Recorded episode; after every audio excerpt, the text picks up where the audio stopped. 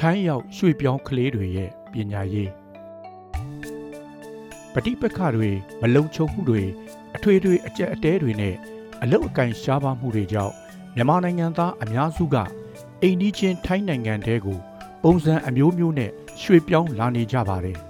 ။တရားဝင်လမ်းကြောင်းကနေဝင်လာသူတွေရှိတယ်လို့တရားမဝင်နေဆက်ဖြတ်ကျော်ဝင်ရောက်လာသူတွေလည်းအများအပြားပါ။ရွှေပြောင်းလာသူတွေအထက်မှာ ကလေးငယ်တွေလည်းအများအပြားပါဝင်လာပါတယ်။ရွှေပြောင်းကလေးငယ်တွေပညာသင်ကြားခွင့်မဆုံးရှုံးဖို့ကအလွန်အရေးကြီးပါတယ်။ထိုင်းနိုင်ငံမှာရွှေပြောင်းကလေးတွေအတွက်ဘယ်လိုပညာရေးတွေရှိနေလဲ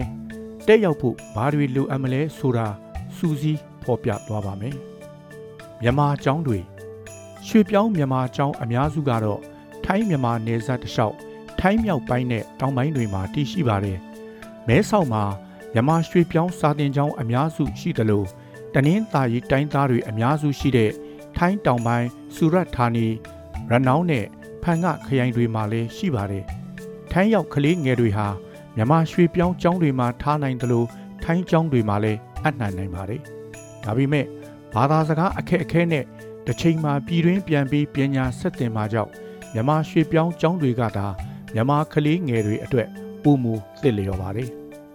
ကျောင်းအပ်ဖို့ဘာတွေလိုမလဲ။ရွှေပြောင်းမြန်မာကျောင်းတွေမှာအပ်မယ်ဆိုရင်ကလေးမွေးစင်းရင်နဲ့ပြည်တွင်းကျောင်းတွေကထုတ်ပေးလိုက်တဲ့ကျောင်းပြောင်းလက်မှတ်ဒါမှမဟုတ်ကျောင်းထွက်လက်မှတ်လိုအပ်ပါတယ်။ဒါပေမဲ့နိုင်ငံရေးအခြေအနေအရအချို့ကျောင်းတွေကတော့ကျောင်းပြောင်းလက်မှတ်မတောင်းခံတော့ပါဘူး။နောက်ပြီးမိဘဖြစ်သူတွေရဲ့ passport CI စာအုပ်ပန်းရောင်ကတ် work permit တို့လိုလက်ရှိကန်ဆောင်ထားတဲ့ တရားဝင်စာရွက်စာတမ်းအထောက်အထားတွေပြသပြီးကျောင်းအပ်နိုင်ရမှာပါ။ကျောင်းအပ်ချိန်မှာကျောင်းဝင်ကြီးအနေနဲ့ပေးသွင်းရပြီးကျောင်းလခကတော့ကျောင်းပေါ်မူတည်ပြီးဗတ်ရာကနန်းကနေထောင်ကနန်းအထိပေးသွင်းရတာတွေ့ရပါတယ်။ရွှေပြောင်းကျောင်းအများစုကတော့ကျောင်းဝင်ကြီးအဖြစ်ဗတ်900ကနေ1000ပေးရလိမ့်ရှိပါတယ်။ထိုင်းမြန်မာနေဆက်ကျောင်းတွေကတော့ကျောင်းဝင်ကြီးဗတ်တရားပဲကောက်ခံတာလည်းရှိပါတယ်။ ဖတ်စာအုပ်ရေးစာအုပ်စာရေးကရိယာလွယ်အိတ်စတာတွေအခမဲ့ထုတ်ပေးတဲ့ကျောင်းတွေလည်းတွေ့ရပါတယ်။ကျောင်းလာခအနေနဲ့ကတော့ထိုင်းတောင်ပိုင်းမှာဘတ်900ဝန်းကျင်မဲဆောက်မှာဘတ်200ဝန်းကျင်ဘန်ကောက်မှာတော့ဘတ်3000ဝန်းကျင်အထိကောက်ခံနေတာကို တွေ့ရပါတယ်။စာသင်နှစ်အပိုင်းအခြားပုံမှန်အားဖြင့်မြန်မာရွှေပြောင်းကျောင်းအများစုက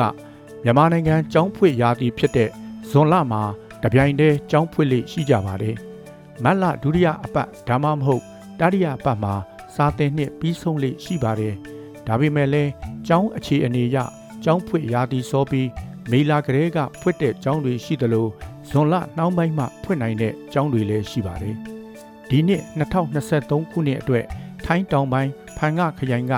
ရွှေပြောင်းမြန်မာစာသင်ကျောင်းတွေကတော့ဇွန်လ6ရက်နေ့မှာစတင်ဖွင့်လှစ်မှာဖြစ်ပါတယ်။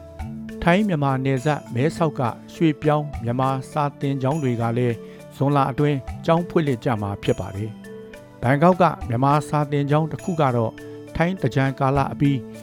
ဧပြီလနောက်ဆုံးအပတ်မှာစတင်ဖွင့်လှစ်တင် जा နေခဲ့ပေမဲ့ကျောင်းအံ့နံမှုကိုတော့အခုထိလက်ခံနေပါတယ်။ကျောင်းအံ့နံမှုကိုကျောင်းမဖွင့်မီတစ်ပတ်ကစတင်ပြီးလက်ခံလိရှိပါတယ်။အထူးသဖြင့်ရွှေပြောင်းကျောင်းအများစုကမေလနောက်ဆုံးအပတ်မှာ ကျောင်းအံ့နံမှုစတင်လက်ခံကြပါတယ်။ဝင်ခွင့်အနေနဲ့ပြည်တွင်းကပြောင်းလာတဲ့မြန်မာကျောင်းသားတွေကိုမြန်မာစာအင်္ဂလိပ်စာသင်ချာစတာတွေကိုဝင်ခွင့်စာမှုပွဲစစ်ဆေးလိရှိပါတယ်။ရတဲ့ရက်လက်ပေါ်မူတည်ပြီးကိုက်ညီတဲ့အတန်းတွေမှာစာသင်နှစ်ကိုတင်ယူစေတာပါ။အချို့ကျောင်းတွေကတော့ကျောင်းဝင်ခွင့်စာမှုပွဲမဖြေရဘဲနောက်ဆုံးတက်ခဲ့တဲ့အတန်းကနေစပြီးတင်ယူရပါတယ်။တကယ်လို့မလိုက်နိုင်မှသာ အတန်းပြန်ဆင်းရလိမ့်ရှိပါတယ်။သင်ယူညွှန်းနှန်းရွှေပြောင်းစာတင်ကျောင်းအများစုကမြန်မာသင်ယူ80ရာခိုင်နှုန်းနဲ့ထိုင်းအင်္ဂလိပ်စကားပြောတိုင်းရင်းသားဘာသာစကားကရင်ဖွံ့ဖြိုးရေးဘာသာရပ်အသက်မွေးဘာသာရပ်အမှုပညာအားကစားကွန်ပျူတာစတဲ့အခြားသင်ရိုးတွေကို20ရာခိုင်နှုန်းထားပြီးသင်ကြားလိမ့်ရှိပါတယ်။ဒီနှစ်ကနေစပြီး FED ရွှေပြောင်းစာတင်ကျောင်းတွေမှာ60 40အချိုးနဲ့ တင်ကြားသွားဖို့ပြင်ဆင်နေတာပါ။ထိုင်းနိုင်ငံမှာနေထိုင်တဲ့ကျောင်းသားတွေအတွက်ထိုင်းနဲ့ပတ်သက်တဲ့ပညာရပ်တွေကိုပုံမူလေ့လာနိုင်မှုအတွက်တိုးတင်တာလို့သိရပါတယ်။ရွှေပြောင်းကျောင်းအချို့ကတော့ဆရာအင်အားကြောင့်စာတင်ကြားမှုမှာလိုအပ်ချက်တွေရှိနေပေမဲ့ကျောင်းအများစုကတော့လုံလောက်တဲ့တင်ကြားမှုရှိတာတွေ့ရပါတယ်။ထူးခြားတာကတော့တင်ကြားမှုပုံစံကပြည်တွင်းကျောင်းတွေထက်ပိုမိုကောင်းမွန်တာမျိုးတွေ့ရပါတယ်။ဆရာနဲ့ကျောင်းသားအင်အား ထိုင်းတောင်ပိုင်းက FED စာတင်ကျောင်းတွေမှာပုံမှန်အားဖြင့်ကျောင်းသားအင်အား350ဝန်းကျင်သာရှိရာကနေပြီးခဲ့တဲ့နှစ်ကစပြီးကျောင်းသားအင်အားနှစ်ဆဖြစ်တဲ့600ကျော်အထိတိုးလာခဲ့ပါတယ်။ဒါကြောင့်ပြီးခဲ့တဲ့စာတင်နှစ်မှာဆရာဆရာမမလုံလောက်မှုပြဿနာတွေစာတင်ခန်းမလုံလောက်မှုတွေရင်ဆိုင်ခဲ့ရပါတယ်။ယခုစာတင်နှစ်မှာတော့စာတင်ခန်းအသစ်ဆောက်လုပ်ခြင်းဆရာဆရာမအင်အားဖြည့်တင်းခြင်းတွေ ပြုလုပ်ထားတယ်လို့သိရပါတယ်။အခြားကျောင်းတွေမှာလည်းဆရာဆရာမနဲ့နေရာထိုင်ခင်းမလုံလောက်မှုတွေကြုံတွေ့ခဲ့လို့အခုနှစ်တော့တိုးချက်ပြင်ဆင်တာတွေကြားနေရပါပြီ။ဒီကျောင်းတွေမှာတင် जा ရေးတာဝန်ယူထားတဲ့ဆရာဆရာမတွေအပြင်ဖွံ့ဖြိုးရေးဘာသာရပ်တွေအတွက်နိုင်ငံသားနဲ့မြန်မာဆရာတွေပါဝင်တဲ့စေတနာဝန်ထမ်းတွေလည်းရှိကြပါတယ်။တန်းပညာစနစ်ရွှေပြောင်းမြန်မာကျောင်းတွေမှာအတန်းတွေကိုအုပ်စုခွဲတင် जा လိရှိပါတယ်။ FED ရွှေပြောင်းမြန်မာစာသင်ကျောင်းမှာဆိုရင်မူလာတန်းကို KG ကနေ3တန်းအထိအလဲတန်းကို4တန်းကနေ9တန်းအထိအထက်တန်းကို10တန်းကနေ12တန်းအထိအုပ်စုခွဲထားတာပါ445ပုံစံနဲ့တွားပါတယ်ပြည်တွင်းမပြန်ပဲထိုင်းမှာအစစ်မြစ်ပညာဆက်လက်သင်ယူလိုတဲ့ကလေးတွေအတွက် Pre GED နဲ့ GED အတန်းတွေကိုဖွင့်လှစ်သင်ကြားနေတဲ့ကျောင်းတွေလည်းရှိနေပြီးထပ်မံဖွင့်လှစ်ဖို့ပြင်ဆင်ဆောင်ရွက်နေတဲ့ ကျောင်းတွေလည်းရှိပါတယ်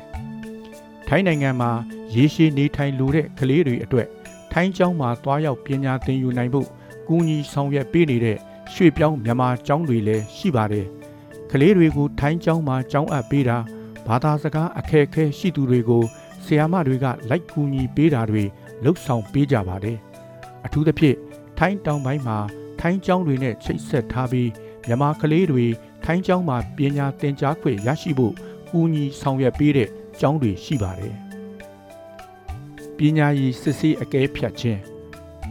ရွှေပြောင်းမြန်မာကျောင်းတွေကစာမှုဝဲတွေကမြန်မာပြည်မှာဖြည့်ဆို့တဲ့ပုံစံနဲ့နီးစပ်ပါတယ်။အတန်းတွင်းစစ်ဆေးတာသင်ခန်းစာအလိုက်အကဲဖြတ်စစ်ဆေးတာလဘတ်စာမှုဝဲနဲ့မတ်လအတန်းတင်စာမှုဝဲစစ်တာတွေရှိပါတယ်။ကလေးတွေရဲ့ကြိုးစားအားထုတ်မှုကျောင်းတွင်းလှုပ်ရှားမှုတွေမှာပါဝင်ဆောင်ရွက်မှုစတဲ့အချက်အတွေ့ပေါ်အခြေခံပြီး